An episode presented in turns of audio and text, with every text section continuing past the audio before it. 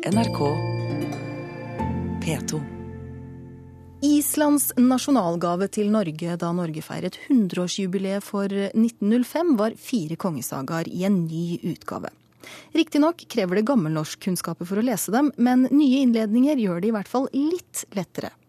De fire kongesagaene forteller om tiden etter Snorres heimskringla, som er den de fleste kjenner, også statsminister Erna Solberg. Ja, jeg har lest Snorre. Jeg hadde en far som leste høyt fra Snorre for meg da jeg var liten. Det gikk i Snorre eller Asbjørnsen og Moe når vi spiste kveldsmat da jeg var liten.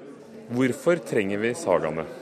Fordi jeg tror at alle, alle, land trenger å huske historien sin, opphavet sitt, bakgrunnen for ting, og ikke minst den tette tilknytningen det er mellom Norge og Island. Men hva forteller disse kongesagaene oss?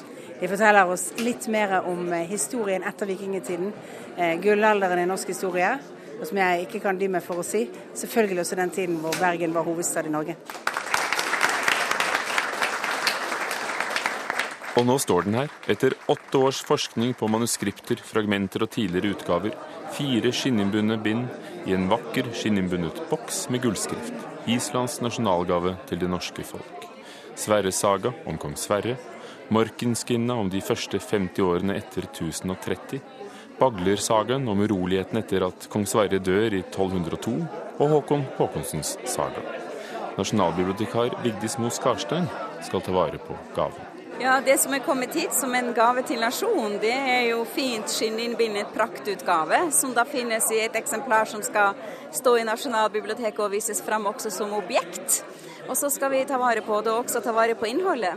Så det er 500 eksemplarer som sender rundt til norske bibliotek og andre institusjoner, sånn at det også spres så vidt i Norge som mulig. Sånn at vi skal kjenne at dette er en viktig del av vår kulturbakgrunn og historie. Men man bør altså kunne gammelnorsk for å gå lenger enn forordet?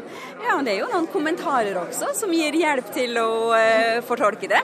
Og vi håper jo etter hvert at vi også kan digitalisere denne type materiale og lage utgaver som også blir veiledende. Men det vil jo ta litt tid, selvfølgelig.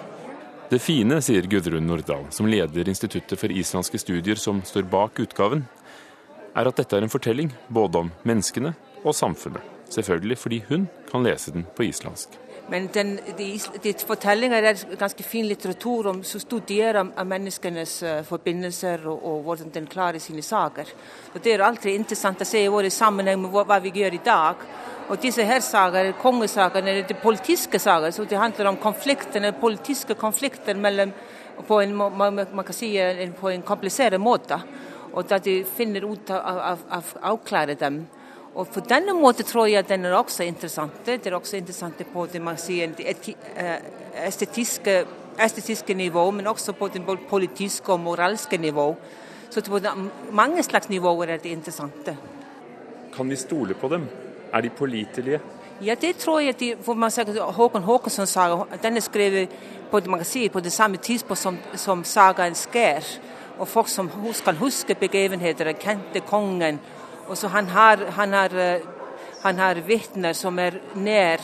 Så det kan jeg, det tror jeg. Men det er selvfølgelig alle historier har en tolkning. Så det er ikke, det er ikke som man, har, man er på stedet, men det er en tolkning av begivenheter.